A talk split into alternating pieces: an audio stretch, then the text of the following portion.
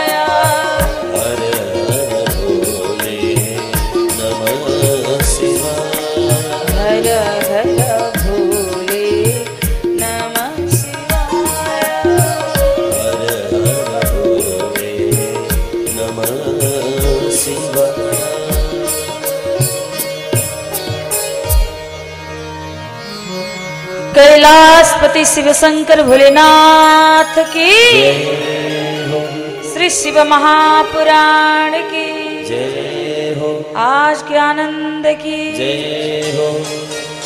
सबने लिख पटे बनो हर हर महादेव। हर हर महादेव। प्रेम संग बनो हर हर महादेव। हर हर महादेव। बोल बम। बोल बम। अनुष अब कथा में प्रवेश करो।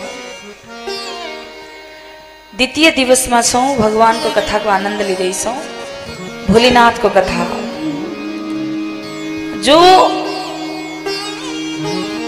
सबैभन्दा धेरै भगवान श्रीहरिको कथा सुन्ने पहिलो पात्र भनेकै भगवान भोलेनाथ हुनुहुन्छ। र भगवान शङ्करको कथा सुन्ने पहिलो पात्र फेरि स्वयं नारायण हुनुहुन्छ। हामी भेद गर्छौँ। धेरै भक्तहरू भेद गर्नुहुन्छ। तेरो भगवान भन्दा मेरो भगवान ठुलो। त शङ्कर मान्ने म त राम मान्ने। त राम मान्ने म कृष्ण मान्ने। त्यति मात्रै कहाँ हो? होइन म त माता मान्छु। म गणेश मान्छु म बुद्ध मान्छु। म हनुमान मान्छु। भगवानको स्वरूप एकै छ।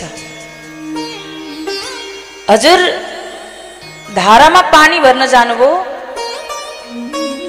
अनि पानी भर्दा कसैले गाग्रीमा भरे कसैले ग्यालिनमा भरेर ल्याए कसैलाई धेरै चाहिएको थिएन गिलासमा भरेर ल्याए कसैले कचौरामा भरेर ल्याए। अब बाहिरको भाँडालाई तेरो भन्दा मेरो ठुलो भन्न थाले। भित्रको तत्त्व एउटै हो कि होइन? पानी त पानी हो। चाहे ग्यालिनमा भर्नु चाहे गाग्रीमा भर्नु। भित्रको पानी त एउटै हुन्छ। त्यस्तै भगवानको स्वरूप पनि एक एउटै छ। कल्प भेद अनुसार कहिले शङ्करजीले सृष्टि प्रारम्भ गर्नुभयो त कहिले विष्णुले?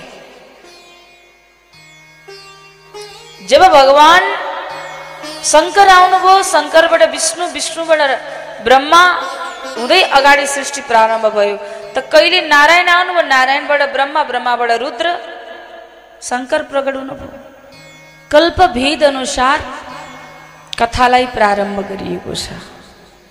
त यहाँ श्री शिव महापुराणमा भगवान शङ्करबाट सृष्टि प्रारम्भ हुन्छ। यो कथा प्रयागराज क्षेत्रमा गङ्गा तटमा अठासी हजार ऋषि बस्नुहुन्छ र सुतजी महाराजले कथालाई प्रारम्भ गर्नुहुन्छ। हुन त अनेक प्रश्न छन्। तीमध्ये एक प्रश्न बडो जटिल प्रश्न छ त्यो हजुर समक्षमा राख्छु। एक प्रश्न गर्नुहुन्छ तीर्थराजमा जीवको कल्याण कसरी हुन्छ अरे जो कलियुगका मनुष्य छन् उनीहरूसँग समय नै छैन अरे वास्तवमा एकचोटि गौर गरेर हेर्नुहोस् त। हामीलाई यो कथाको आयोजना गर्न हामीले कहिलेदेखि सोच्यौँ होला? कहिले कति अगाडिदेखि प्लानिङ गऱ्यौँ हो कि होइन? हो नि? त्यसपछि हामी सबैलाई न्यौता दियौँ हामीले। त्यति मात्र छैन यसलाई पण्डाल बनाउनु पर्यो भक्तजन ल्याउनु पर्यो गुरुहरूलाई ल्याउनु पर्यो। अगाडिदेखि हामीले कल्पना गर्दै काम गर्दै गर्दै बल्ल तल्ल हामीले यो कार्यलाई प्रारम्भ गर्न सफल भयौँ।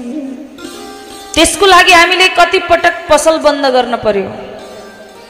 कतिपटक घरमा खाना ढिलो खानु पर्यो। कतिपटक घरमै पत्नीको गाली पनि खानु पर्यो होला हाम्रो बाबाहरू। किन ढिलो आउनुभयो? भनेर। आमाहरूले घरमा छोराछोरीलाई समयमा खाना खान दिनु भएन होला। कति मेहनत गरेर बल्ल एउटा पुराणको हामीले आयोजना गर्न सफल हामीसँग के छैन? समय कम छ अरे हामीसँग। अनि त्यो कम समयमा हामीलाई धेरै कुरा गर्ने इच्छा छ। संसारमा यस्तो कोही व्यक्ति छैन जसलाई जीवनमा सुखै सुख मात्रै प्राप्त होस्। कोही छ? कोही छ यहाँ जसले भन्न सक्छ कि मलाई जीवनमा आजसम्म दुःख भनेको त परेकै छैन। कोही भन्न सक्छ? छैन। कहिल्यै न कहिल्यै त मन चसक्क कहीँ न कहीँ दुखेकै हुन्छ। कोही तन दुखी कोही मन दुखी कोई धन बिन रहित उदास थोड़ी थोड़ी सब दुखी। यहाँ सुखी केवल भगवानको दास। कोही तन दुखी रे कसैलाई घुँडो दुख्छ ढाड दुख्छ टाउको दुख्छ दुखिरहन्छ कोही मन दुखी? के मन दुखी? फलानाको छोरोको त कति राम्रो पढाइ भएर उहाँ गभर्मेन्ट जबमा नाम निकाल्यो मेरो छोरो त कामै नलाग्यो फलानाले कति प्रगति गर्यो दुई तला घर बनाइसक्यो मेरो घर कहिले बन्ला? फलाना त यस्तो उसको उस्तो उसको उस्तो मान्छे जहिले पनि दुखी हुने एउटा मूल कारण हो आफ्नो तुलना अर्कोसँग गर्नु। संसारमा नि हजुर जस्तो आँखा मुख नाक कान हात खुट्टा बोली आचरण भएको अर्को दुरुस्तै मान्छे देख्नु भएको छ? देख्नु भएको छ? फोटो कपी देख्नु भएको छ? सेम टु सेम एकदम। छैन नि? त वर्ल्डमा एक वान पिस हुनुहुन्छ। किन तुलना गर्ने अर्कोसँग किन गर्ने अर्कोसँग तुलना? किन हामी आफू दुखी हुनु? जे छ त्योसँग सुखी छैन। जे छैन त्यो चाहिँ किन भएन भनेर दुखी छ? मानिसको स्वभाव हेर्नुहोस्। जे छ त्योसँग सन्तुष्टि छैन कि? यो मानव स्वभावै यस्तो छ। र मन दुखी छ अरे कोही धन पनि रहे त उदास। कसैलाई धन नभएर दुःख छ। फलानुको कति छ मेरो कहिले होला? उसको जग्गा जमिन छ मेरो कहिले जोड्नु होला? जबकि यो पर्मानेन्ट स्थायी घर होइन। याद राख्नु। यो मेरो भन्नुहुन्छ नि। हजुरको हजुरबुवाले पनि त्यही भन्नुहुन्थ्यो नि होइन? यहाँदेखि त्यहाँसम्मको जमिन चाहिँ मेरो भन्नुहुन्थ्यो। जाँदा लिएर जानुभयो। बुवाले पनि त्यही भन्नुहुन्छ। यहाँदेखि यहाँसम्म चाहिँ मेरो भन्नुहुन्छ बुवाले पनि लिएर जाने होइन। अब हजुरको पालामा पनि त्यही भन्नुहुन्छ फेरि। यति चाहिँ मेरो है भन्नुहुन्छ त्यो पनि हजुरले जाँदा लिएर जाने होइन। भोलि हजुरको छोरो पनि त्यही भन्छ। यो जहाँ थियो त्यहीँ रहन्छ। हजुर आउनुहुन्छ जानुहुन्छ। यो आउने र जाने क्रम चलिरहन्छ चलिरहन्छ। कति रूपमा आइयो होला? कति दुःख पाइयो होला? बल्ल बल्ल त भाग्योदय भएर शिव महापुराण सुन्ने अवसर मिलेको छ शिव महापुराणमा अथाह क्षमता छ। हिजो बेलुकाको महात्म्यमा बताइएको छ। त्यो अथाह क्षमता जसले हामीलाई यो जन्म मरण रूपी चक्रव्यूहबाट छुटकारा दिलाएर शिव तत्त्वको प्राप्ति गराउँछ। शिव भनेको शून्यता। जो शून्यमा जान सक्छ। शून्यता भनेकै यही ब्रह्माण्ड जसमा विलिन हुन सका सिकाउँछ। र शिव बन्न सक्नु त बन्न त मनुष्यले के गर्न सक्ला? त्यसको थोरै मात्रै प्रतिशत पनि जीवनमा उतार्न सक्यो। भगवान स्वयं लिनुहुन्छ क्या आफूभित्र? त्यही भएर सबै थोरै थोरै दुखी हुनुहुन्छ सुखी हुनुहुन्छ भने यही भगवानको चरणमा आउनुपर्छ। जब जीवनमा गाह्रो अप्ठ्यारो परिस्थिति आइपुग्छ त्यति बेला अन्त समयमा त्यही प्रभुको याद आउँछ हे भगवान हो कि होइन? यो संसारले मुख मोडेर जब हिँड्दछ हजुरसम्म जबसम्म हजुरको हातमा नि धन छ सम्मान छ इज्जत छ। तबसम्म हजुरको आफन्तले पनि नि म फलानुको फलानुको फलानुको फलानु भनेर कहिल्यै नजोडेको सम्बन्ध जोडेर पनि आइपुग्छन् हो कि होइन? जुन दिन हजुरसँग सकियो त्यो दिन एउटै गर्भबाट जन्मिएको भाइले पनि मुख फर्काएर हिँड्छ। सत्य हो जीवनको। यस कारण त्यो समय पनि साथ दिने जब संसारले साथ छोड्दा पनि त्यो शङ्कर त्यो भोले जसले साथ छोड्नुहुन्न यसै त भगवान्लाई भक्त वत्सल भनिन्छ। भगवान भक्तले जति प्रेम गर्छ नि त्यसको अथा गुणा ज्यादा शक्ति भगवान भक्तलाई वर्षाउन लाग्नुहुन्छ। तर त्यो भगवानको लागि खै त समय? कलियुगका मनुष्यसँग त समय नै छैन अरे यहाँ त्यही भन्दै हुनुहुन्छ। समय छैन अनि म भन्छु समय चाहिँदा पनि चाहिँदैन। बस जीवनमा केही नियम परिवर्तन गरिदिनु समय चाहिँदै चाहिँदैन। के नियम परिवर्तन गर्नु सुन्नु है त? बिहान जुरुक्क उठ्नुहुन्छ। उठ्ने बित्तिकै भगवान्लाई एकचोटि थ्याङ्क यू भन्नु। के भन्नु? धन्यवाद। किन? भगवान्ले चाहेको भए हिजो बेलुका नै मेरो प्राण जान्थ्यो कि होइन? हो नि यो श्वास चल्दैछ त उसैको कारणले चल्दैछ। यो मुखबाट बाणी निस्किँदैछ त उसैको कारणले निस्किँदैछ। म हिँड्दैछु बोल्दैछु त उसैको कारणले छु। यस कारण हे भगवान् हिजै प्राण जान सक्थ्यो। तिमी प्राणदाता आज जसको कारणले नयाँ दिनको सुरुवात गर्न पाएँ तिमीलाई धेरै धेरै धन्यवाद। भगवान्लाई धन्यवाद भनिदिनुहोस् एकचोटि बिहान बिहान उठेर। अब भगवान्को एकचोटि स्मरण भयो। अब आमाहरू जब भोजन बनाउन लाग्नुहुन्छ मनमा यो भावना राख्नु कि प्रभु आज म हजुरको लागि भोजन तयार गर्दैछु। भला भगवान् टुप्लुक्कै आएर भोजन लिनुहुन्न। तर त्यो प्रेम र श्रद्धालाई भगवान्ले स्वीकार गर्नुहुन्छ। हजुरले भाव चढाउने हो भगवान्लाई र त्यसलाई भगवान्ले आफूले स्वीकार गर्नुहुन्छ। र आज भोजन बनाउँदा त्यो भोजन अब भोजन भएन। के भयो थाहा छ? प्रसादी भयो। त्यो त प्रसाद भयो अब। किन? त्यहाँ भक्ति मिसियो प्रेम मिसियो त्यहाँ श्रद्धा मिसियो। अब त्यो प्रसाद भयो।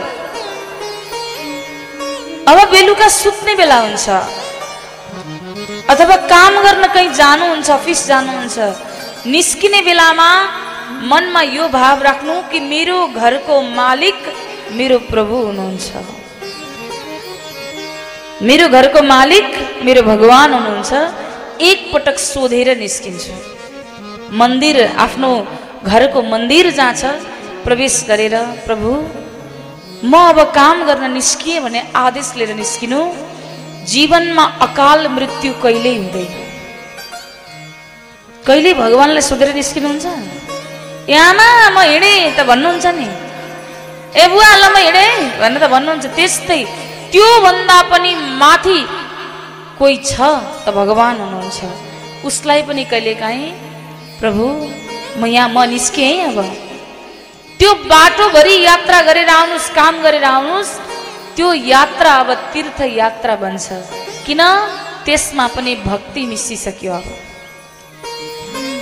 र राति सुत्ने बेलामा जब बिछौनामा बिस्तरमा जानुहुन्छ नि त्यो बेला फेरि मनमा भन्नु कि प्रभु अब म रातभरि हजुरको चरणमा साष्टाङ्ग दण्डवत गरेर सुत्दैछु निदाउँदैछु। र बिहान उठेर धन्यवाद भने सुत्ने बेलामा चाहिँ म माफी माग्छु। म सरी भन्छु कि आज जीवनमा आजको दिनभरिमा मैले कतिको चित्त दुखाएँ होला। जानेर नजानेर। मैले आफूले कमाउनुपर्छ कलियुगमा त्यसको लागि झुट नबोली कामै बन्दैन। हो कि होइन? सत्य हो झुट बोल्न पाउनुहुन्न फेरि सत्य हो। तरकारी पसलेले पनि त्यो तरकारी बेच्नु छ भने दुई शब्द झुट बोलेन भने बिक्री हुँदैन अरे के कलियुगमा? हुँदैन अरे। किन हात मुख जोड्न पनि झुट बोल्नुपर्छ भनेको छ कलियुगमा। यस कारण मैले दिनभरि कति मुखले झुट पनि बोले होला कति नराम्रो काम पनि गरेँ होला कसैको चित्त पनि दुखाएँ होला। त्यही भएर हे प्रभु म अबोध बालकलाई आफ्नो भक्त सम्झेर शरणमा लिनुहोस्। र मेरो दिनभरिको कार्यप्रति क्षमा दान गरिदिनुहोस्। यति भनेर सुतिदिनुहोस् त्यो रातभरिको निद्रा पनि साष्टाङ्ग दण्डवत प्रणाम हुन्छ। बोल्नुहोस् भक्तवत्सल भगवानको। त्यही भएर भगवान्लाई नि समय छुट्याउनु पर्दैन। भाव छुट्याइदिनुहोस् प्रेम छुट्याइदिनुहोस्। भगवान्लाई दिन सक्ने एउटै मात्रै चिज छ हामीसँग। त्यो प्रेम। केही छैन अरू दिन सक्ने। यदि भगवान्लाई केही दिन चाहनुहुन्छ भने भित्रै मनदेखि यो होइन कि बाहिर तन साधुको छ होइन? भगवान्ले हजुरको बाहिरको रूप हेर्नुहुन्न नि याद गर्नुहोला। आमा कति हजारको क्रिम लाउनु भएको छ भन्नुहुन्न भगवान्। कति हजारको कोट पेन्ट लाउनु भएको छ भगवान्ले त्यो हेर्नुहुन्न। भगवान्ले हेर्ने एउटै स्थान छ त्यो हो हृदय। त्यो चाहिँ कञ्चन छ कि छैन? सबके उर अंदर ही बसे हो जाने हो भाव को भाव। रामायणमा भन्नुभएको छ सबको भित्र बस्नुहुन्छ अरे भगवान्। एउटा डायरी र पेन लिएर बस्नु भएको छ। र भित्र मनले कुभाव र भाव के स्वस्थ छ त्यो टिपेर बस्नु भएको छ। बिहान अफिस जान हतार भएको छ। छिमेकी टुप्लुकै आइपुग्यो। हजुर भन्नुहुन्छ हो दिदी आइपुग्नु भयो ल बस्नु बस्नु चिया खानु। मनमा नै भन्नुहुन्छ कस्तो अफिस जाने बेला आइपुग्नु पर्ने यसलाई पनि? भगवान्ले बाहिर चिया खानुभयो हेर्नुहुन्न नि याद गर्नु। भित्रको मनमा चाहिँ किन यो आइपुगेछ भनेर जुन भन्दै हुनुहुन्छ त्यो भाव हेर्नुहुन्छ याद गर्नु। भित्रको कुरा मनभित्र के छ सोच्दै हुनुहुन्छ यस कारण जीवनमा आज यही सुतजी महाराज समक्ष सौनकादिक ऋषिहरू सौनक ऋषि अग्रभागमा बसेर प्रश्न गर्नुभयो कलियुगका मनुष्यसँग समय छैन तिनीहरूको उद्धार कसरी हुन्छ? तिनीहरूको कल्याण कसरी हुन्छ? ल हेर्नुहोस् त हाम्रा पूर्वजहरू कति ज्ञानी कति विद्वान जसले हाम्रो बारेमा सोचे। हाम्रो उद्धार कसरी हुन्छ? उहाँहरूलाई चिन्ता छ। किनभने कलियुगमा वेद कसैले पढ्न चाहँदैन अरे उपनिषद कसैले छुनै चाहँदैन अरे कोही कोही व्यक्ति हुन्छन् धेरै कम व्यक्ति हुन्छन् संसारमा। त उनीहरूको उद्धार गर्ने कुनै न माध्यम त बन्न पर्यो। र त्यो माध्यम आज स्वयं गुरुको भूमिका निर्वाह गर्दै सुतजी महाराज हामी समक्ष राख्दै हुनुहुन्छ र हामीले पनि सुन्न पाउँछौँ उहाँकै कारणले गर्दा। बोलो सुतजी महाराजको भगवान्सँग प्रार्थना गरौँ कि प्रभु हामीलाई पनि उहाँ जस्तै गुरु प्राप्त होस्। जीवनमा नि गुरु गोविन्द दो खडे। गुरु र गोविन्द एकैचोटि प्रगट हुनु भने कसको चरणमा जानुपर्छ थाहा छ? मेरो मेरो भिडियोलाई हेर्नु भएको भए पक्कै थाहा हुनु पर्थ्यो कतिजनाले टेलिभिजन हेर्नुहुन्छ? हात उठाउनु त हेरौँ। जय होस्। भन्नुहोस् राधे राधे। जय शम्भो। हर हर महादेव। हर हर महादेव। मैले बताएको छु यो कुरा। गुरु र गोविन्द दुईजना एकै पटक प्रगट हुनुभयो। भक्त अन्यलमा पर्यो। कसको चरणमा जाने? भक्त पहिले गोविन्दको शरणमा गयो। गोविन्द भन्नुहुन्छ भक्त तिमी पहिले गुरुको शरणमा जाऊ अनि मेरो शरणमा आऊ। किन? म गोविन्द भनेर चिनाउने तिम्रो पहिले गुरु हो। म गोविन्दसँग कनेक्ट गराउने पहिले तिम्रो गुरु हो। यस कारण पहिले गुरु अनि मात्र भगवान्। भगवान् समक्ष पुग्नलाई गुरुले नि टर्च लाइट बालेर बाटो देखाउनुहुन्छ के? बाबु यता लडिन्छ यताबाट हिँड। यो बाटो ठिक छैन यहाँबाट पुगिन्छ। यो सहज छ भनेर सिकाउने त त्यही गुरु नै हुनुहुन्छ। यस कारण भगवान् भन्दा पनि माथि गुरु स्थान छ। गुरुले प्रदान गर्नुभएको छ। र सङ्गतले गर्दा पनि हामीलाई गुरु प्राप्ति गर्न सहज हुन्छ अरे सङ्गत। जीवनमा सङ्गत कस्तो गर्नु? सङ्गत हजुर कस्तो सङ्गत गर्नुहुन्छ? हजुरको साथीलाई हेरेर हजुरको स्वभाव थाहा हुन्छ अरे। मन मिल्यो भने साथी हुन्छ मन मिलेन भने साथी हुँदैन याद गर्नु होला हो कि होइन? हो नि? मदिरा पिउने मान्छेको साथी मदिरा पिउने नै हुन्छ। तास खेल्ने व्यक्तिको साथी पत्ता फ्याल्ने नै हुन्छ। याद गर्नु होला सानो बच्चाले ठुलो मान्छेलाई साथी बनाउँछ र। उहीसँग खेल्ने साथी बनाउने हो नि हो कि होइन? मन मिल्यो तब साथी बन्यो। यसकारण साथीलाई हेरेर थाहा हुन्छ अरे मित्रलाई हेरेर हजुरको स्वभाव कस्तो छ। र यहाँ आज सन्तको सङ्गत गर्दा अर्थात् सतपात्रको सङ्गतले गर्दा त्यो व्यक्तिको पनि भविष्य उज्जवल बन्छ अरे। आउनुहोस् हामी पनि उनै प्रभु सन्तको सङ्गत गरौँ केही क्षण भक्तवत्सल भगवान को।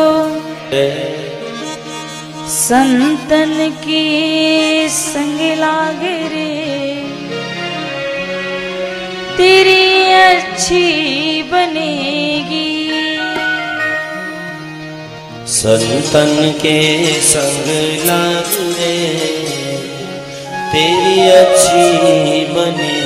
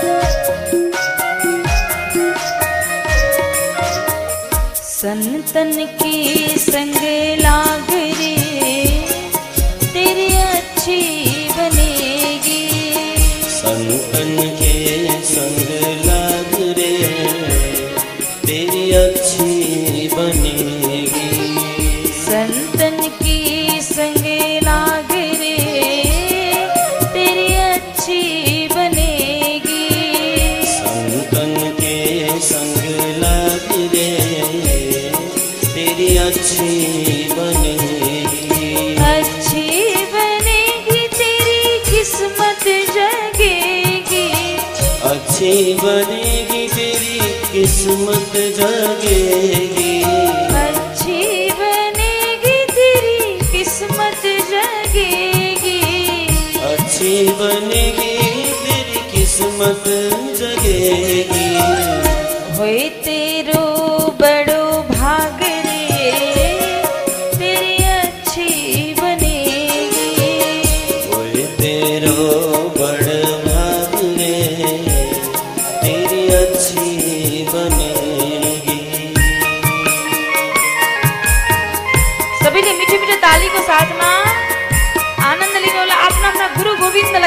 करने वाला।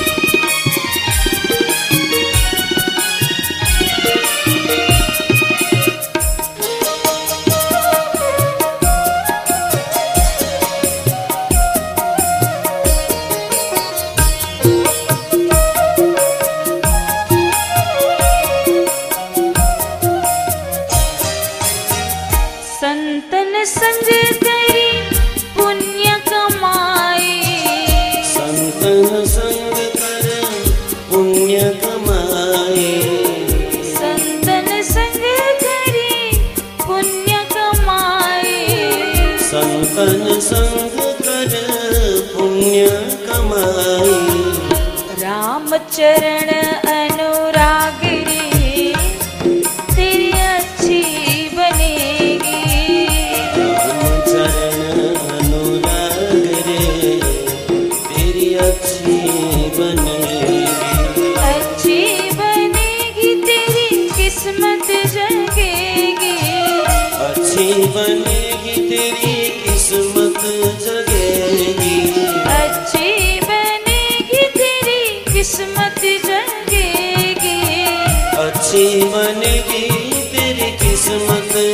yeah.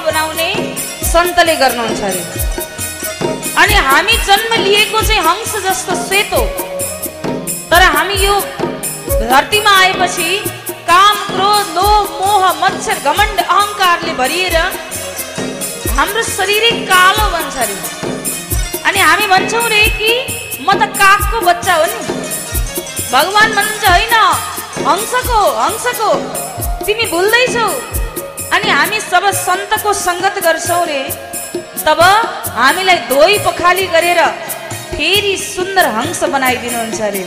यहाँ त्यही बताउँदै हुनुहुन्छ।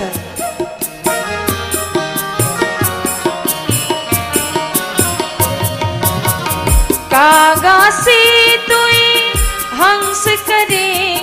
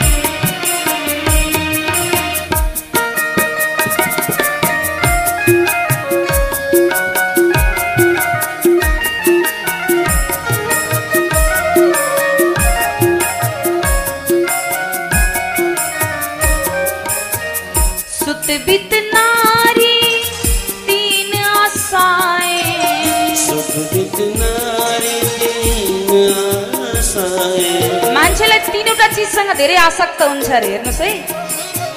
तिन चिजसँग चाहिँ अलिक बढी आसक्ति हुन्छ अरे। सुत भनेको पुत्र। छोरो छोरो छोरो छोरो धेरै आमाहरू पनि गर्नुहुन्छ। विचार गर्नुहोला। अस्पतालमा गएर मेरो गर्भमा छोरी छ यसलाई मारिदेऊ यसलाई हटाइदेऊ मलाई छोरो चाहियो भने आमा नै हुन्छ पहिला। याद गर्नुहोस्। सुत पुत्र मोह। अर्को वित्त वित्त भनेको धन। धन चाहियो मलाई धन बिहानदेखि बेलुकासम्म खानै नखाइकन कमाउन जाने धन। अर्को नारी स्त्री मलाई त सुन्दरी स्त्री चाहियो। हेर्नुहोस् यी तिन आसक्ति छ अरे हर मनुष्यको भित्र।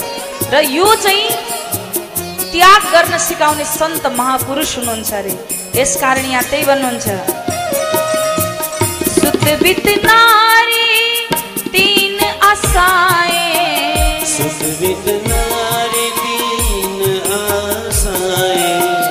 सुतवित नारी दीन आसाए। सुतवित नारी दीन आसाए। त्याग सके तो त्याग रे। तेरी अच्छी बनेगी। त्याग सके तो त्याग रे। बनेगी। अच्छी बनेगी तेरी किस्मत जगेगी। अच्छी बनेगी तेरी किस्मत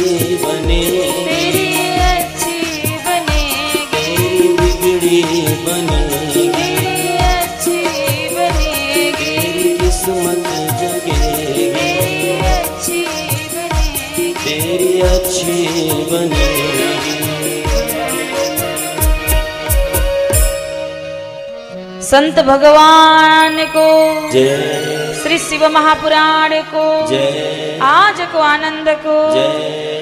शिव शंकर भोलानाथ को। यस कारण भगवानसँग हामी पनि प्रार्थना गरौँ कि सत्सङ्गको माध्यमले हामी भित्र भएका विकारहरूलाई हामी पनि त्याग गर्न सकौँ। र केवल एउटा मार्ग पक्रेर भगवानसँग आफूलाई जोड्न सकौँ कनेक्ट गराउन सकौँ।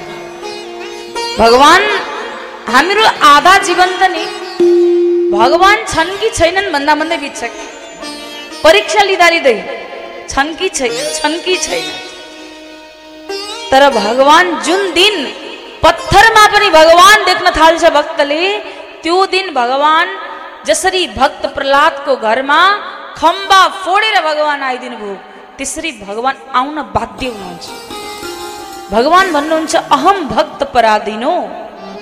म त मेरो भक्तको बसमा पो छु त। म भन्दा माथि कोही छ।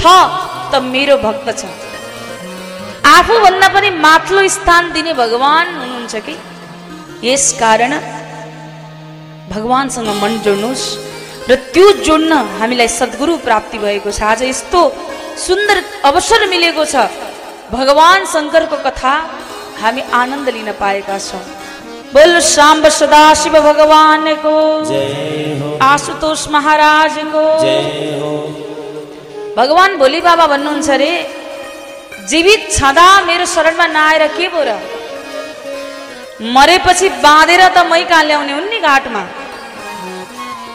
जीवित छँदा मेरो शरणमा नआएर मलाई केही चिन्ता छैन। तर त्यसलाई मारेपछि अर्थात् मरेपछि भगवान्ले त प्राण खिच्नुहुन्छ नि त्यो मर्यो। त्यो व्यक्ति त मै कहाँ आइपुग्छ? अनि भगवान् भोलेनाथ के भन्नुहुन्छ थाहा छ?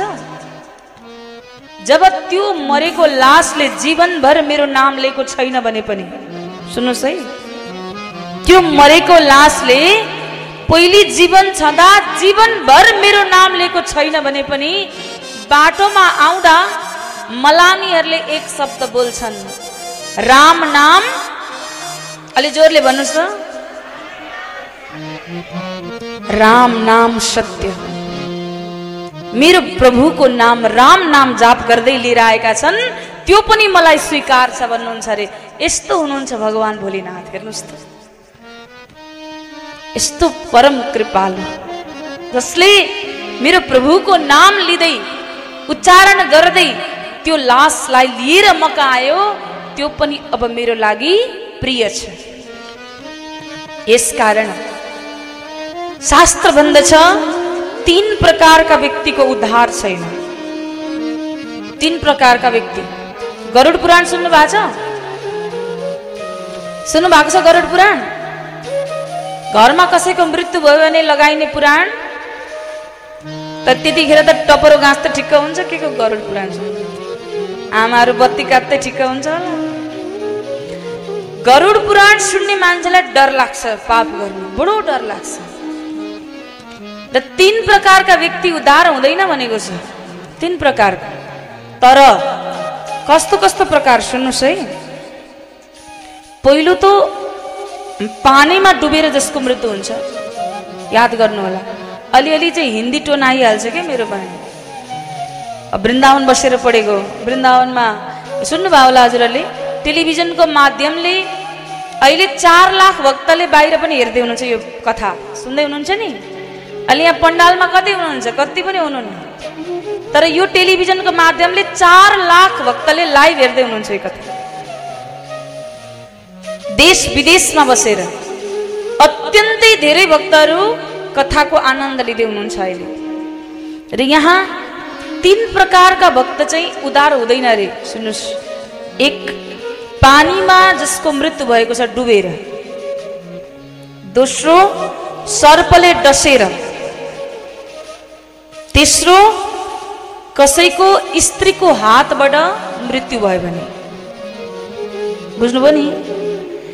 यी तिन प्रकारका व्यक्तिको उद्धार हुँदैन तर शिव पुराणमा लेखेको छ यदि ती व्यक्तिको नाममा पनि शिव महापुराण लगाइएको छ भने तिनको पनि उद्धार गर्न सक्ने क्षमता श्री शिव महापुराणमा छ। बोलो श्री महादेव भगवानको। ल हेर्नुहोस् त त्यसै कृपालु हुनुहुन्न नि भोलेनाथ भोले बाबा परम दयालु हुनुहुन्छ परम कृपालु हुनुहुन्छ। जसको वर्णन गरेर म सक्दै सक्दिनँ। र आज यहाँ यस प्रयागराजमा जुन कथाको प्रारम्भ भयो त्यो कथा जहाँ चौबिस हजार श्लोक र सातवटा संहिता छन्। पहिलो संहिता अब आज हामी सुरुवात गर्न जाँदैछौँ। पहिलो संहितामा विद्येश्वर संहिता पर्दछ जहाँ सृष्टिको वर्णन बडो सुन्दर कथाहरू ब्रह्मा विष्णु महेशको उत्पत्तिको प्रगटको कथाहरू छन्। अगाडि रुद्र संहिता आउँछ जहाँ भोलेनाथले अगाडि कार्य बढाउनु भएको प्रसङ्ग छ। त्योभन्दा अगाडि शतरुद्र संहिता आउँछ। त्योभन्दा अगाडि कोटि रुद्र संहिता आउँछ। त्योभन्दा अगाडि उमा संहिता आउँछ। र कैलाश संहिता र अन्तमा वायवीय संहिता गरेर सात संहिताको वर्णन स्वरूप श्री शिव महापुराण हामी श्रवण गर्न जाँदैछौँ जहाँ आज पहिलो श्लोकबाट सुरुवात गर्छौँ जुन स्वयं भगवान शङ्कर समक्ष आज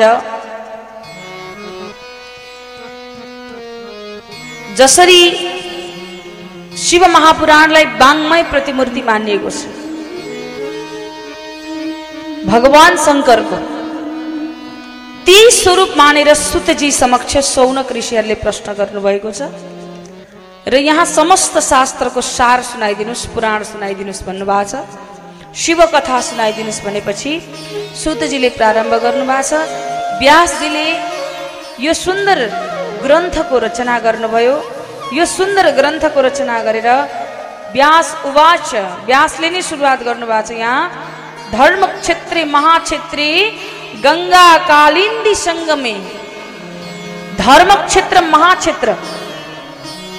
जहाँ गङ्गाको तटमा आज यो कथाको सुरुवात हुन लाग्यो कहाँ?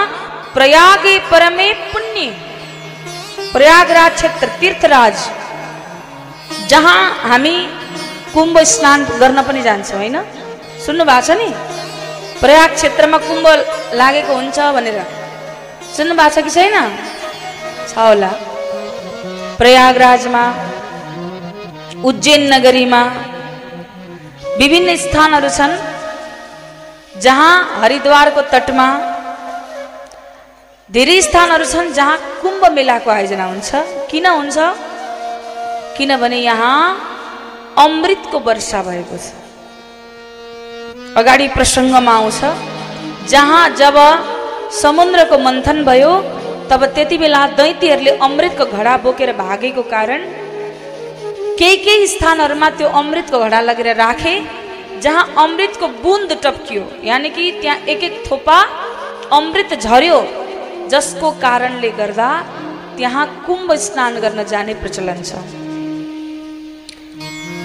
अझ भागवतजीमा श्रीधरी टिकामा भागवतजीमा होइन श्रीधरी टिकामा उल्लेखित छ यी चारवटा कुम्भ स्नान गरेर अन्तमा यमुनाजीको स्नान गर्नु पनि भनेको छ। यमुनाजी जहाँ भगवान् श्रीकृष्ण नित्य आनन्द लिनुहुन्थ्यो र जब भगवान् कृष्ण हुनुहुन्थ्यो त्यति बेला नन्द बाबा सहित सबै मिलेर प्रयागराजमा कुम्भ रहेछ। कुम्भको दर्शन गर्न भनेर जाँदा एउटा कालो घोडा दौडी दौडी आएर यमुनाजीमा स्नान गरेर सेतो भएको देख्नुभयो। श्वेत भयो घोडा।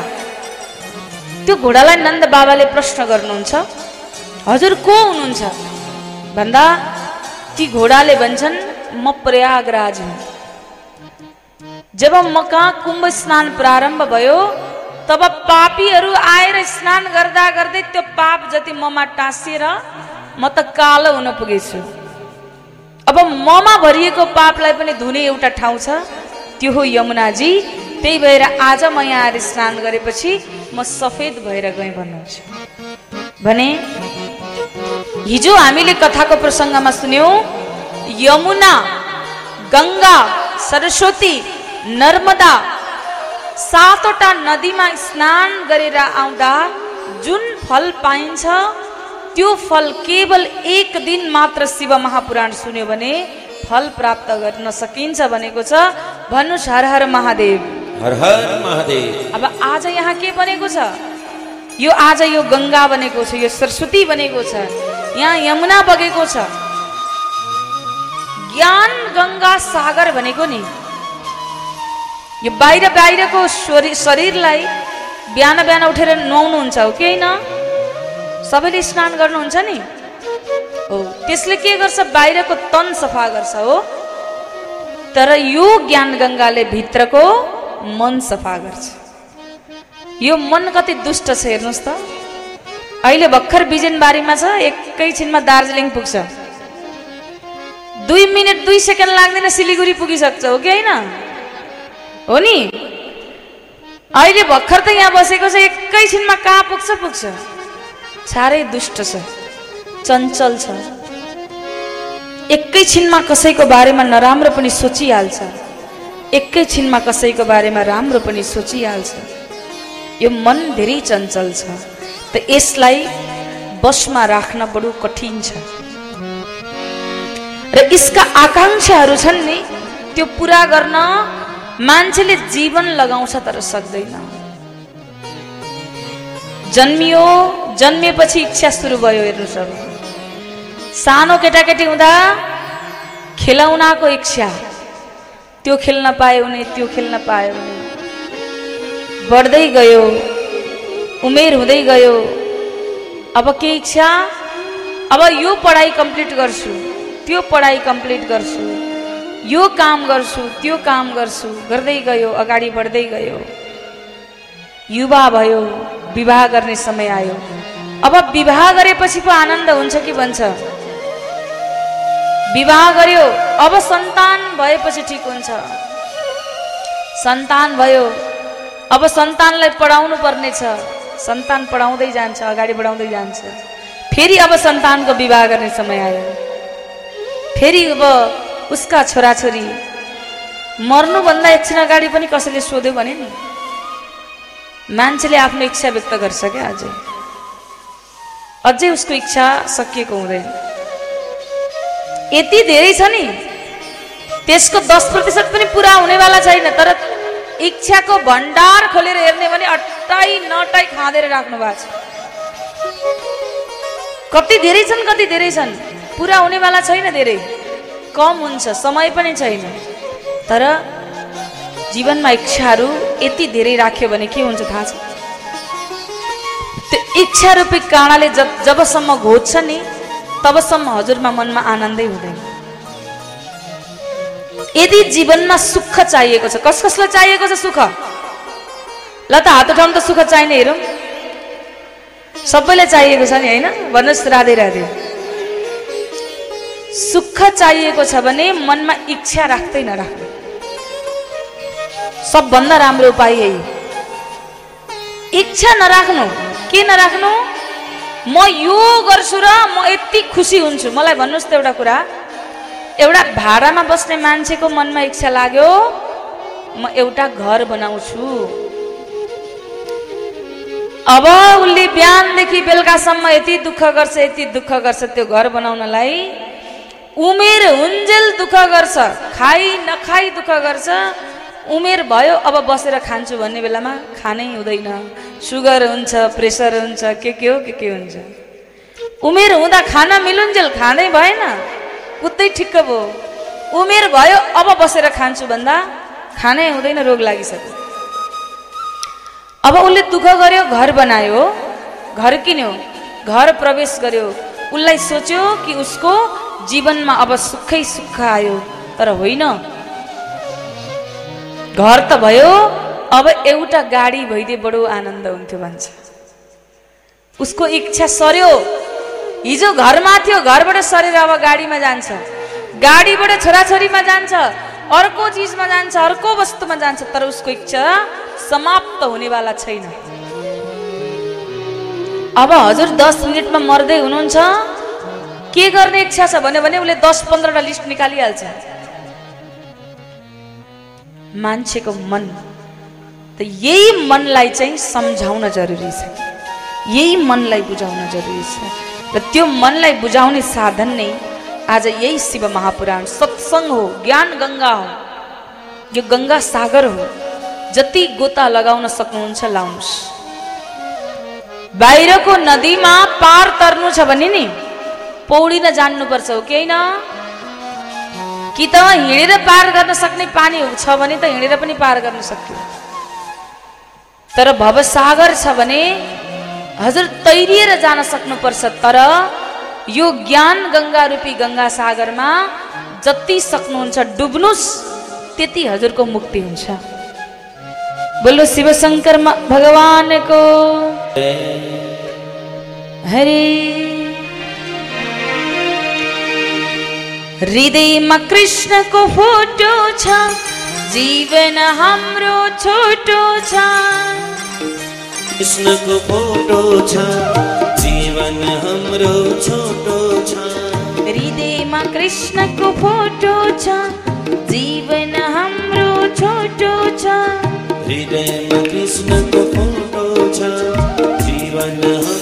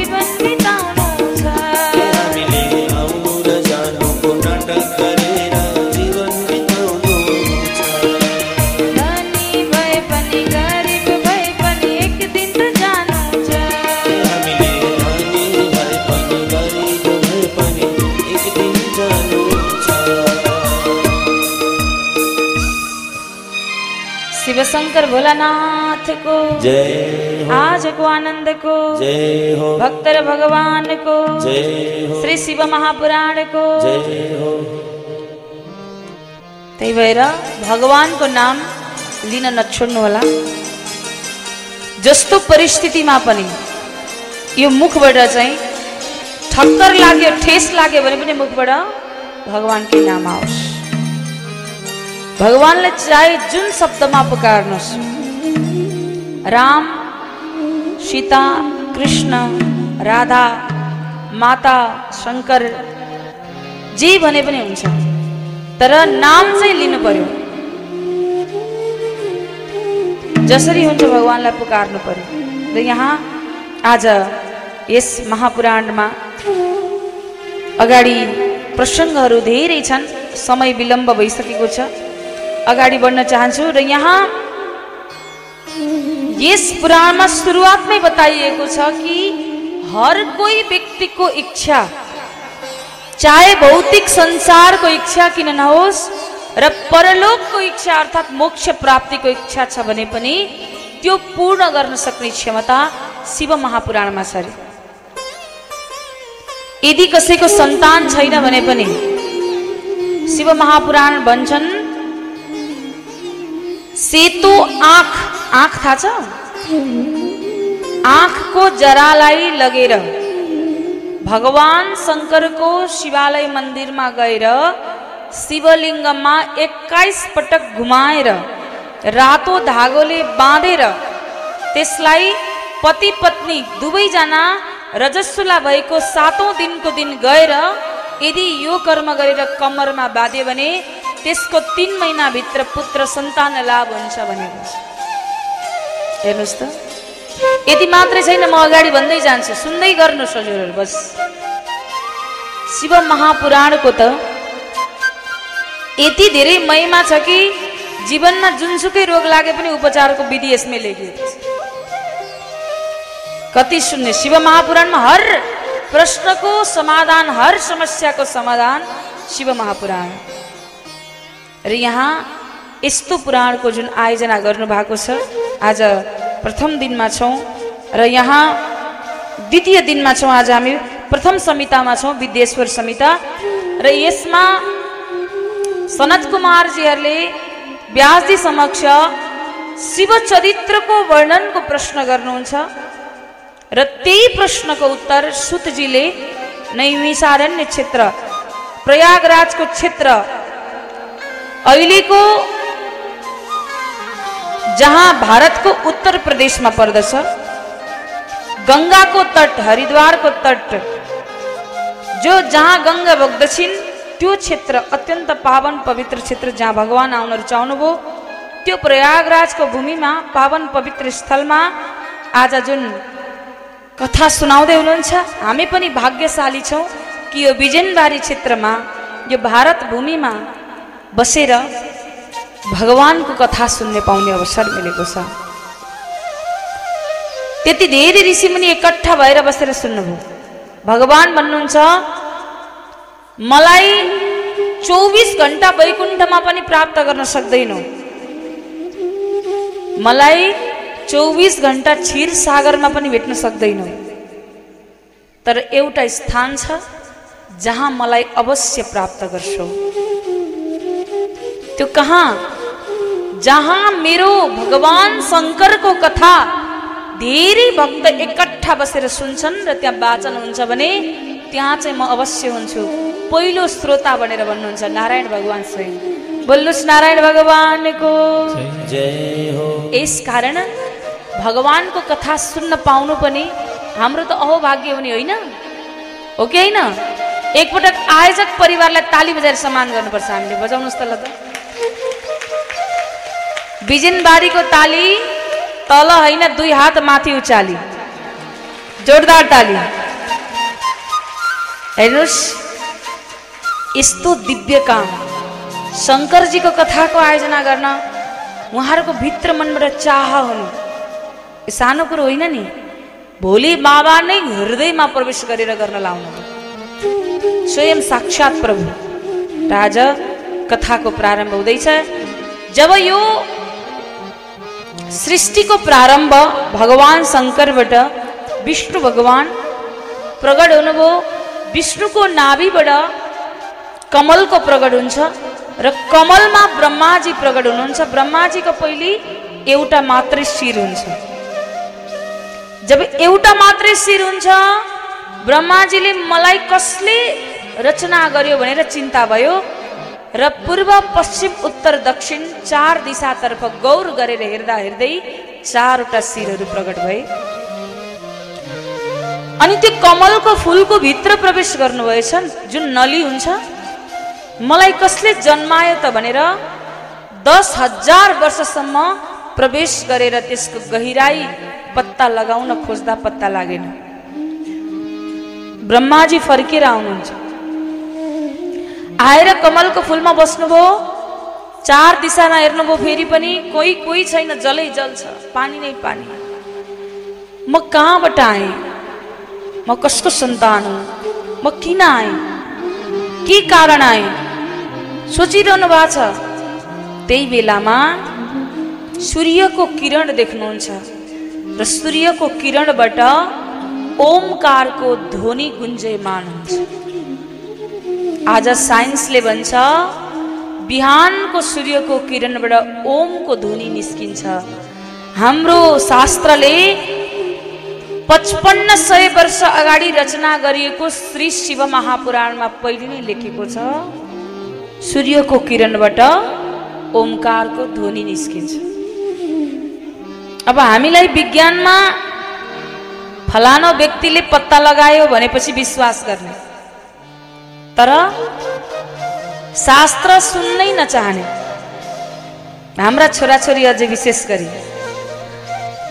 ए बाबु ए नानी टिका लगाऊ न भन्यो भने पुसेर जान्छन् स्कुल जाने बेला। हेर्नुहोस् त। टिका किन लगाएको थाहा छ? किन लगाएको टिका? ल भन्नुहोस् त। जिजु बाजेले लाए हजुरबाले लाए मैले पनि लाएँ मेरा छोराले लाउनुपर्छ भनेर मान्दैनन् अब। टिका लगाउने कारण म बताउँछु है। दुईटा आँखाको बिचमा यो निधारको भाग जुन छ हाम्रो शरीरमा जम्मा सातवटा चक्रहरू हुन्छन्। ध्यान गर्ने गर्नु भएको छ कि छैन हजुरहरू? कोही कोही ध्यान गर्नुहुन्छ? गर्नुहुन्न भने पनि आज सुन्नु होला हाम्रो शरीरमा जम्मा सातवटा चक्र हुन्छन्। ती सात चक्र मध्ये दुईटा आँखाको बिचमा एउटा चक्र हुन्छ जसको नाम हो आज्ञा चक्र। र यो आज्ञा चक्र चाहिँ जसले हाम्रो दिमागलाई परिचालन गर्छ। दिमाग चल्दछ। बिहान उठेर टिका लगाउनु भयो चन्दन लेपन गरिदिनु भयो भने त्यो आज्ञा चक्र एक्टिभ हुन्छ र हाम्रो दिमागका नसाहरू खुलाइदिन्छ। जसले हामीलाई दिनभरि काम गर्न सक्ने क्षमताको वृद्धि गराउँछ। तर हजुरहरूलाई अनुरोध छ विशेष गरी आमाहरूलाई। आमाहरूले लगाउनुहुन्छ मखमलको टिका। होइन? हो नि? यो त फेसन हो अहिले आएको पछि आएको। तर वास्तवमा लाउनु पर्ने भनेको त चन्दन हो घोटेको टिका। रक्त चन्दन वृक्षमा छ श्रीखण्ड चन्दन वृक्षमा छ। गोपी चन्दन माटोमा छ तर हामीलाई त्यो होइन। त्यसमा हिरा मोती सुन चाँदी जडेको सुन्दर देखिने खालको टिका लगाउनु पर्छ। होइन? तर त्यो पनि लगाउनुहोस् त्यसले पनि केही न केही काम त गर्छ नै नगर्ने होइन। किन बिचमा? तर केमिकल हुन्छ नि त पछाडि। हो कि होइन? भन्नुहोस् त। केमिकल त हुन्छ पछाडि गम त टाँस्नु पर्यो। त्यो त केमिकल हो। त्यसले छाला नै जान्छ नि हो कि विचार गर्नुहोस् त। त्यही भएर मैले के भन्छु त्यो केमिकल हो नि। तर सकिन्छ भने सकेसम्म चन्दन नै लगाउने प्रयास गर्नुहोस्। विभूत लगाउनुहोस् भस्म लगाउनुहोस् चन्दन लगाउनुहोस्। जुन जुनले हामीलाई ऊर्जा दिन्छ त्यो लगाउनुहोस्। बाबाहरूसँग पनि म अनुरोध गर्छु। कमसेकम निधारमा जुन इच्छा लाग्छ भस्म लाउने इच्छा छ भस्म लगाउनुहोस्। त्रिपुण्ड धारण गर्ने इच्छा छ त्रिपुण्ड लगाउनुहोस्। रक्त चन्दन श्रीखण्ड गोपी चन्दन अनेक छन्। तर चन्दन चाहिँ सकेसम्म चन्दन नै लेपन गर्नुहोस्। जसले हाम्रो दिमागको वृद्धि गराउँछ र सोच्न सक्ने क्षमतालाई अगाडि बढाउँछ जसको कारणले मान्छेलाई डिप्रेसन हुने सम्भावना न्यून हुन्छ। बुझ्नुभयो नि? आमाहरूभन्दा बाबाहरू धेरै डिप्रेसनमा पर्नुहुन्छ। विचार गर्नु भएको छ? विश्वले रिसर्च गर्यो हार्ट पेसेन्ट ब्रेन हेमरेज महिलाभन्दा पुरुषमा अधिकतर प्रतिशत छ। किन? किनभने स्त्री स्वभाव हुन्छ अलिकति मनमा चिन्ता भयो दुःख पर्यो दुईजना सहेलीलाई बोलायो दुःख पोखिहाल्यो। तर बाबाहरू त्यो गर्नुहुन्न सकेसम्म मनमै राख्ने प्रवृत्ति हुन्छ। जसको कारणले दिमागमा र मुटुमा बढी असर पर्न जान्छ। बुझ्नुभयो नि? यो चाहिँ म आफू पनि मानव सेवा गर्ने भएर सामाजिक व्यक्तित्व भएर म कथा त वाचन गर्छु। कथा वाचन गर्दा मलाई बडो आनन्द आउँछ। र मलाई भगवान्ले यो ड्युटी पनि दिनुभएको छ। सबैलाई एउटा एउटा ड्युटी हुन्छ नि। कसैले कपडा पसल खोलेर ड्युटी निभाउँदै हुनुहुन्छ। कसैले सब्जी पसल गरेर कसैले किताब कापी बेचेर त कसैले भागवत वाचन गरेर कसैले कर्मकाण्ड गरेर त कसैले पाठ पारायण गरेर।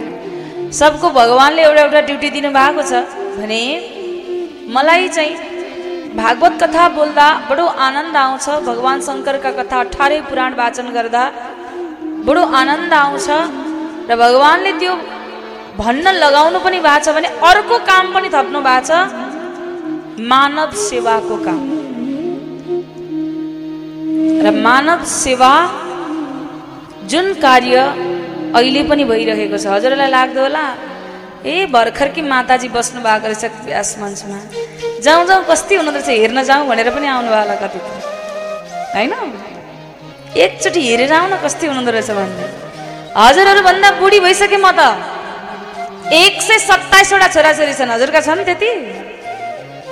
छन्। अहिले पनि एक सय सत्ताइसवटा छन्। पोहोर साल कोभिडको बेला दुई सय तिरासीजना थिए।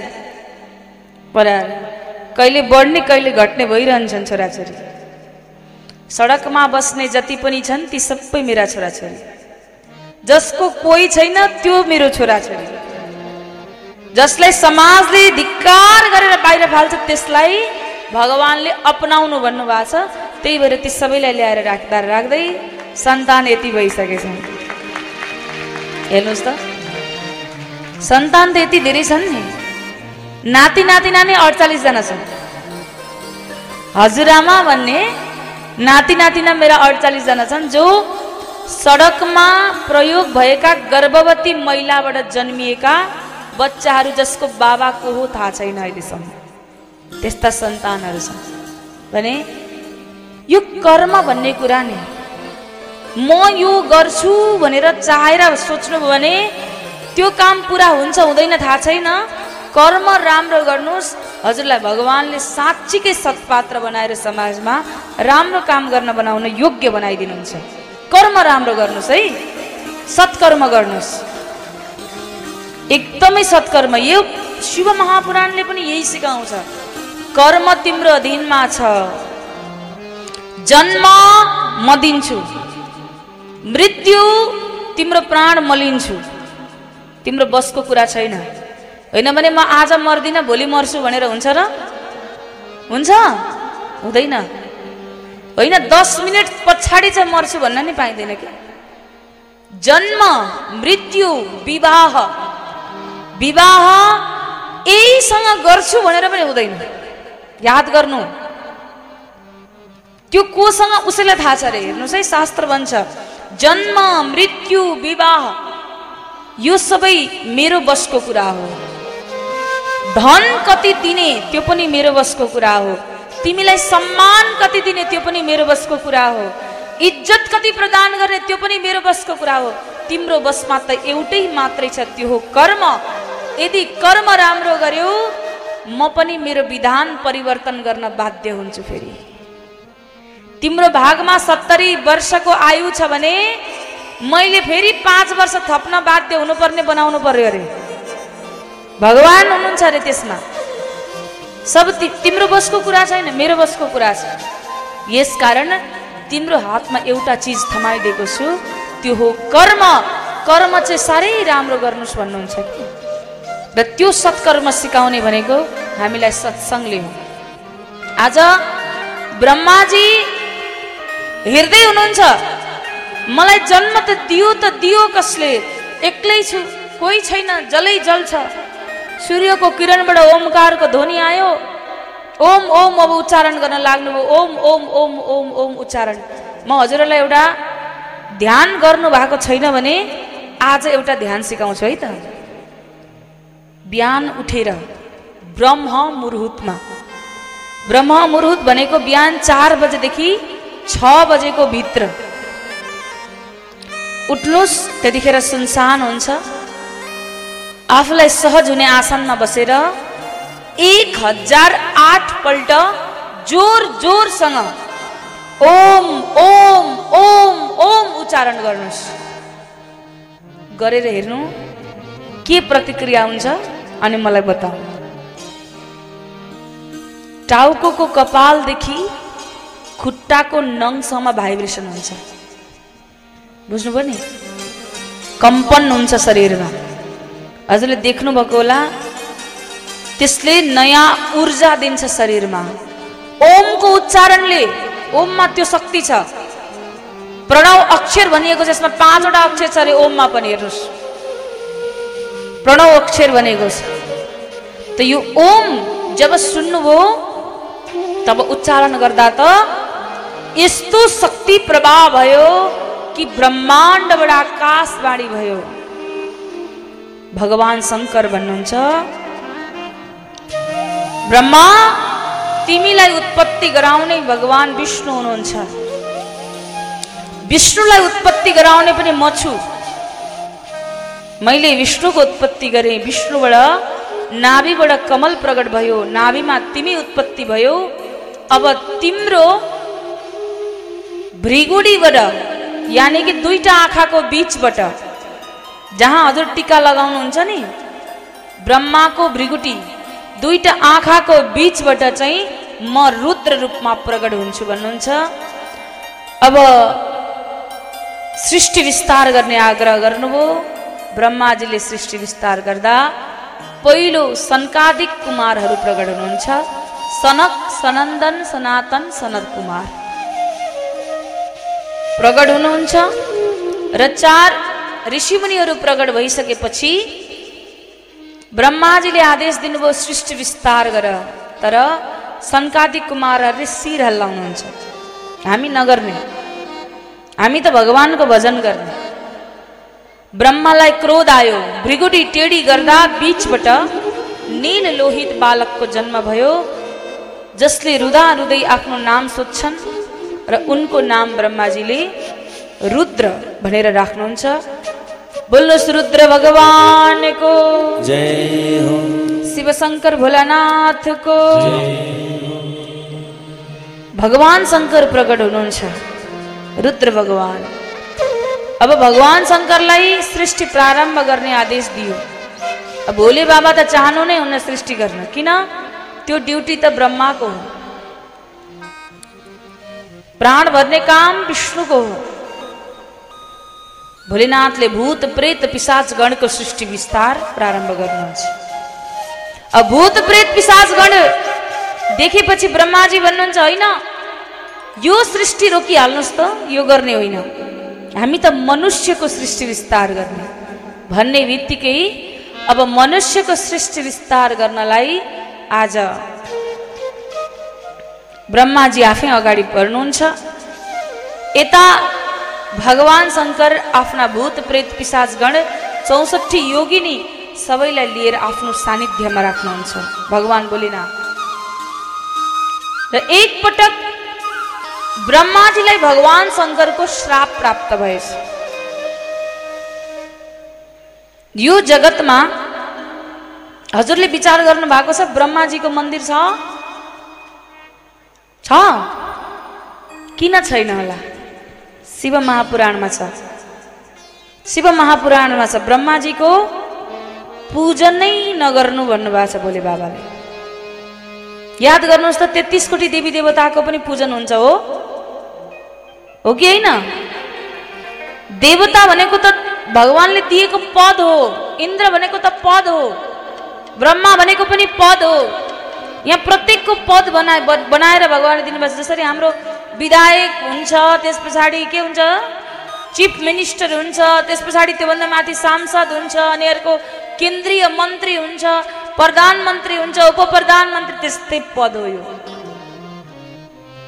सबै पद भगवान्ले छुट्याइदिएको। र यहाँ ब्रह्माजीलाई आज भगवान् शङ्करले श्राप दिनुभयो। कस्तो श्राप दिनुभयो सुन्नुहोस् है। एकपटक भगवान् विष्णु मनमा जाग जागृत भएछ। मलाई रचना गर्ने को हो म एकपटक हेर्न जान्छु। जाँदै हुनुहुन्छ कहीँ? शून्यतातर्फ ब्रह्माजीलाई पनि त्यही भएछ। एकपटक त मलाई उत्पत्ति गर्ने उत्पत्तिकर्ताको दर्शन गर्छु भनेर जाँदै हुनुहुन्छ। घुम्दै हुनुहुन्छ।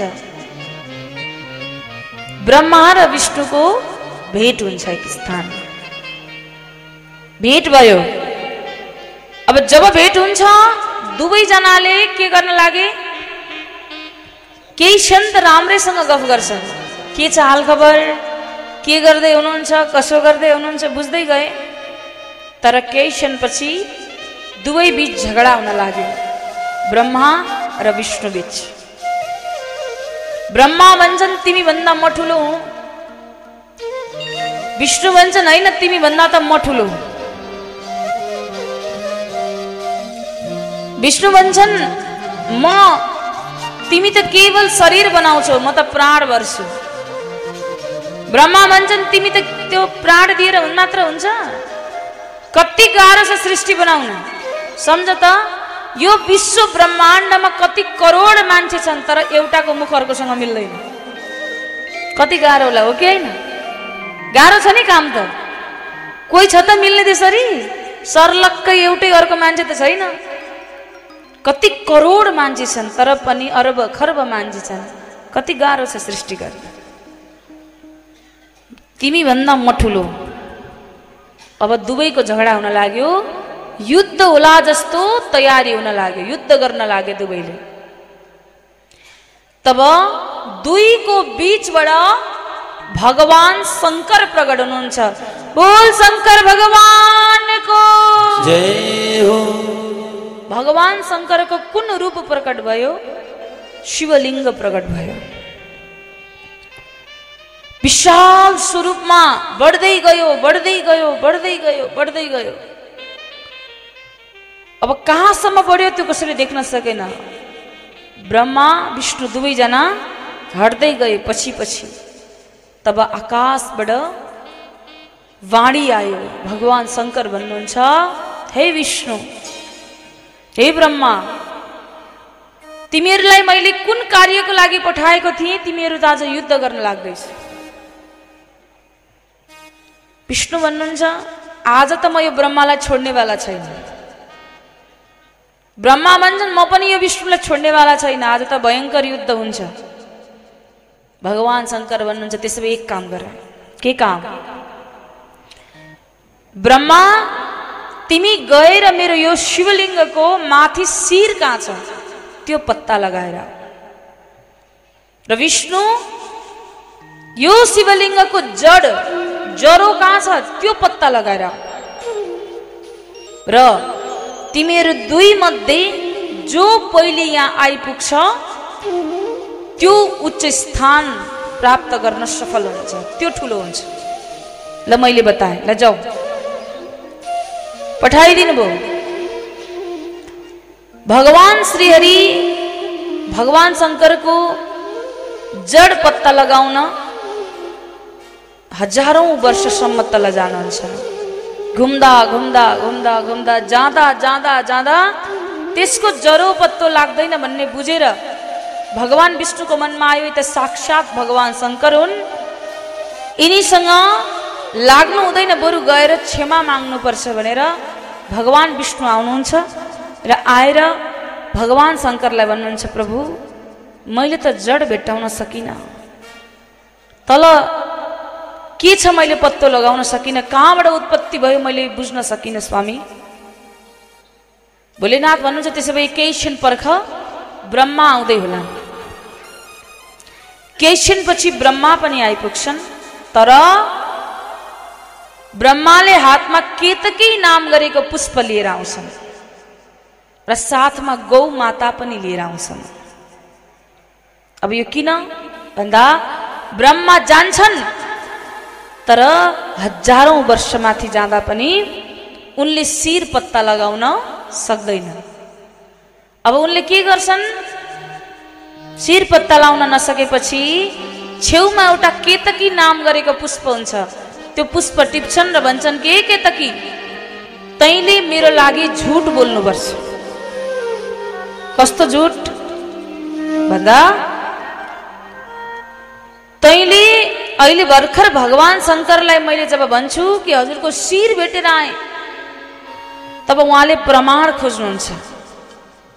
र त्यो प्रमाणमा मैले भन्छु हजुरको शिरमा यो पुष्प चढाएको थियो त्यही भएर यो पुष्प लिएर आएको होइन भने यो पुष्पलाई सोध्नु भन्छु। त्यति बेला तैँले भन्नु कि हो म शिरमा चढेको थिएँ भन्नु। होइन भने तेरो प्राण अन्त्य गरिदिन्छु तैँले झुट बोल्नै पर्छ भनेपछि के त के पुष्प डराएर? अब प्राणै जान्छ भने त बोल्नै पर्यो भनेर बोल्नलाई तयार हुन्छ। फर्केर आउँदै हुनुहुन्थ्यो गौमाता देख्नुहुन्छ। गौमातालाई भन्नुहुन्छ हे गौमाता मलाई अहिले समस्या परेको छ तपाईँले मलाई सहयोग गर्नु पर्यो कस्तो सहयोग भने अहिले म भोलिनाथ समक्ष पुगेर म भन्ने गर्छु भन्ने छु हजुरको शिर पत्ता लगाएर आएँ। त्यति बेला तिमीले भन्नु मैले दुधले अभिषेक गरेर आएको गौमाता भन्छन् म झुट बोल्दिनँ। म बोल्दै बोल्दिनँ। तर ब्रह्मा भन्छन् तिम्रो प्राण अन्त्य गरिदिन्छु। गौमाता भन्छन् होइन प्राण अन्त्य भए पनि म बोल्नेवाला छैन। ब्रह्मा भन्छन् त्यसमा तेरो वंश नै अन्त्य गरिदिन्छु। त मात्र होइन तेरो प्राण मात्र होइन तेरो वंशकै विनाश गरिदिन्छु। अब गौमाता बाध्य भएर मेरो वंशकै विनाश गर्ने भने म जान तयार छु। तब गौमाता साथ लागेर आज ब्रह्माजी समक्ष साथ लागेर भगवान् शङ्कर भएको ठाउँमा पुग्नुहुन्छ। भगवान् शङ्करले भन्नुभयो अरे ब्रह्मा आइपुग्यो? तर विष्णु त अगाडि नै आइपुगिसकेका छन्। तर जब ब्रह्माले थाहा पाउनुभयो विष्णुले जरा पत्ता लगाएनन् तब ब्रह्मा खुसी खुसी भएर भन्छन् स्वामी मैले हजुरको शिर पत्ता लगाएर आएँ। र सबैभन्दा पहिलो प्रमाण यो केतकी पुष्प हेर्नुहोस् त यसलाई सोध्नु हजुरको शिरमा चढेको पुष्प मैले लिएर आएको छु भगवान्ले प्रश्न गर्नुभयो केतकी तिमी मेरो शिरमा थियौ केतकी भन्छन् हजुर स्वामी म हजुरकै शिरमा थिएँ अर्को केही प्रमाण छ तब त्यति बेला गौ मातालाई देखाउनुहुन्छ ब्रह्माजी हेर्नुहोस् यो गौ माताले त झन् दुधले अभिषेक गरेर आएको माथि शिरमा। तब ब्रह्माजीले यसरी बताउँदै गरेपछि भोले बाबाले प्रश्न गर्नुभयो हे गौमाता हजुरले दुधले अभिषेक गरेको हो? गौमाताले भन्नुभयो अब भोले बाबाको आँखा रातो रातो भयो। क्रोधको सीमा रहेन। क्रोधित भएर आँखा रातो रातो पार्दै आज भन्नुहुन्छ हे ब्रह्मा तिमीले झुट बोल्यौ आज म तिमीलाई श्राप दिन्छु। आजदेखि उपरान्त यो मृत्यु लोकमा तिम्रो कहीँ पनि मन्दिरै नबनोस्।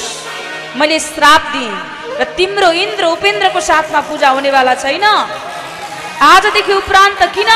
तिमीले झुट बोल्यौ र आजदेखि यो केतकी नामको पुष्प म माथि कहिल्यै नचढाउनु? अनि गौ मातालाई पनि म श्राप दिन्छु।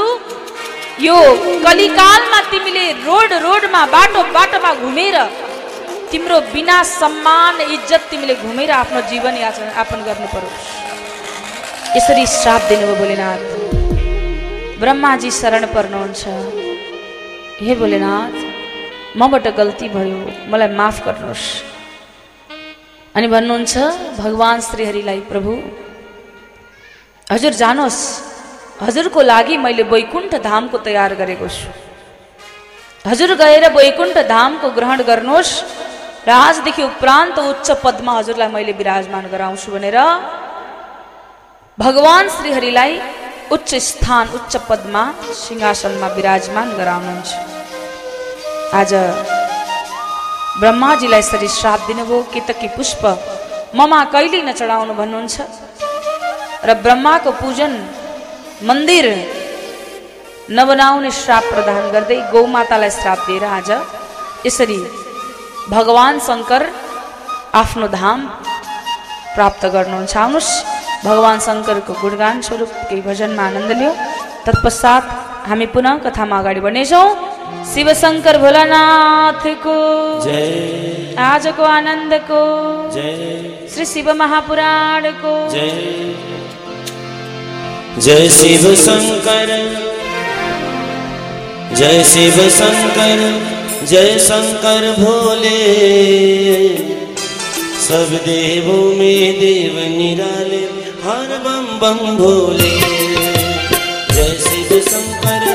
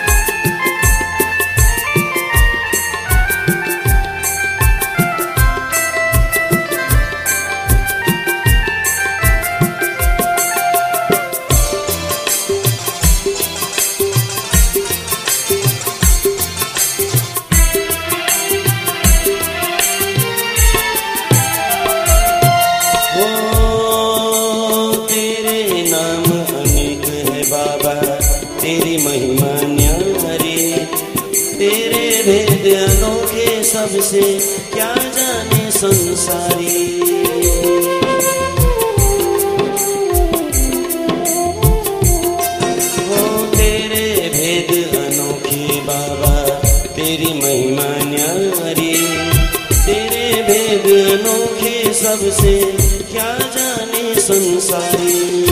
तू ही कैलाश पति, तू पर्वत पर डोले। तू ही कैलाश पति, तू पर्वत पर डोले। सब दिलों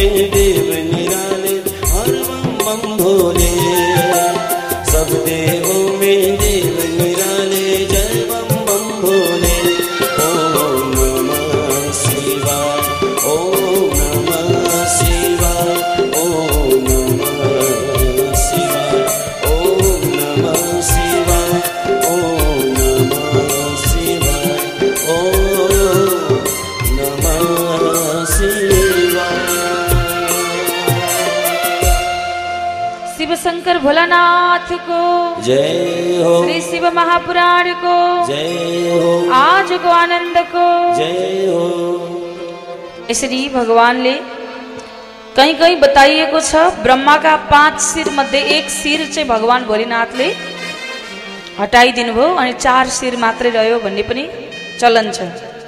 कहीँ कहीँ उल्लेखित छ शिव महापुराणमै पनि। भगवान क्रोधित भएर ब्रह्माको एक शिर नै छेदन गरिदिनु भयो भन्ने पनि प्रसङ्ग आउँछ। यसरी भोलेनाथले भगवान श्रीहरि ब्रह्मामाथि कृपा वर्षाउनुहुन्छ। र ब्रह्माजीलाई ब्रह्मलोक प्रदान गर्नुभयो। ब्रह्मलोक प्रदान गर्नुहुन्छ विष्णुलाई वैकुण्ठ लोक प्रदान गर्नुहुन्छ। र यो जानकारी पनि गराउनुहुन्छ कि हे विष्णु हे ब्रह्मा हजुर जस्ता लाखौँ ब्रह्मा लाखौँ विष्णु मैले प्रकट गरेको छु। र कल्प अनुसार अलग अलग समयमा अलग अलग भगवान अगाडि भएर सृष्टि प्रारम्भ गर्नुभएको छ। र यहाँ चाहिँ भगवान शङ्कर अघि भएर सृष्टिलाई अगाडि बढाउनुहुन्छ। र योभन्दा अगाडि जुन दिन भगवान शङ्कर शिवलिङ्ग रूपमा प्रकट हुनुभयो त्यो दिन महाशिवरात्रिको दिन थियो। हजुर व्रत बस्नुहुन्छ महाशिवरात्रिको? व्रत बस्नुहुन्छ? भन्नुहोस् हर हर महादेव। हर हर महादेव। अझ जोरसँग भन्नुहोस् त एकचोटि अब प्रेमसँग भनिदिनुहोस् त। एउटा फुल पनि हल्लिएन ल हेर्नु त अझ भावसँग भनिदिनुहोस् हर हर महादेव। हर हर महादेव। जय होस् बल्ल बिजनबारीमा कथा हुँदैछ भन्ने थाहा भयो बाहिर थाहा हुनु पर्यो नि सबै भक्तलाई होइन वरिपरि कति भक्त हुनुहुन्छ? बिजनबारीमा यत्रो भव्य पुराणको आयोजना भएको छ। शिव महापुराण भएको छ। भक्तहरूलाई थाहा छैन त यहाँसम्म आइपुग्नु पर्यो। कति भक्त हुनुहुन्छ भने देख्नुहुन्छ सुन्नुहुन्छ।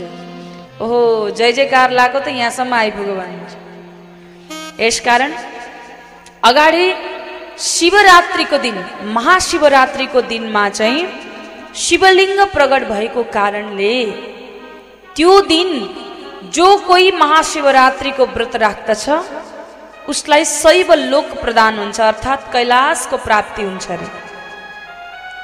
भगवान रामको धामलाई के भनिन्छ? साकेत धाम भनिन्छ। भगवान कृष्णको धामलाई के भनिन्छ? गोलोक धाम भनिन्छ। भगवान नारायणको धामलाई के भनिन्छ? वैकुण्ठ धाम भनिन्छ। अनि भगवान शङ्करको धामलाई कैलाश धाम भनिन्छ। अनि माता रानीको धामलाई मणिदीप धाम भनिन्छ। बुझ्नुभयो नि? अनि माता रानी चाहिँ भगवान शङ्करले पनि अघि कथा प्रसङ्गमा आउँछ शिव महापुराणको कथा प्रसङ्गमा। माता रानीको महत्व भगवान भन्दा पनि माथिको स्थान छ। जो उमा संहितामा उल्लेखित छ। अगाडि प्रसङ्गमा हामी सुन्न पाउँछौँ। त्यही भएर उमा पछि नाम आउँछ महेश्वर। पहिले उमाको नाम पछि महेश्वरको नाम जोडिन्छ। आमालाई उच्च स्थानमा राखेको कारणले गर्दा त्वमेव माता च पिता त्वमेव भनिन्छ। पहिले आमालाई पुकार गरिन्छ अनि बाबाको पालो बल्ल आउँछ हेर्नुहोस् त। आमाको स्थान त्यति माथि छ। राधा नभने कृष्ण भनिँदैन नि। सीता नभने राम भनिँदैन त्यही भएर आमालाई उच्च स्थानमा स्थान दिएको छ। सम्पूर्ण शास्त्रकी आमा भनेको वेद। वेद माता भन्छौँ हामी। होइन? वेद माता भनेर पुकार्छौँ। जुन ग्रन्थहरूकी आमा वृक्ष भनेकै वेद हो। हामीले बोल्ने भाषा भनेकै त्यही वेदबाट आएको। भने वेदलाई आमाको स्थान दिएका छौँ। मन्त्रमध्ये सबैभन्दा उच्च मन्त्र भनेको गायत्री मन्त्र भनेको छ। गायत्री आमा भन्छौँ हामी। हामी जन्मिएको भूमि भारत भूमि यो छ नि? यसलाई के भन्नुहुन्छ? हजुरहरूले? हजुर जन्मिएको आमा हो यो। के भन्नुहुन्छ? भारत माता भन्नुहुन्छ होइन?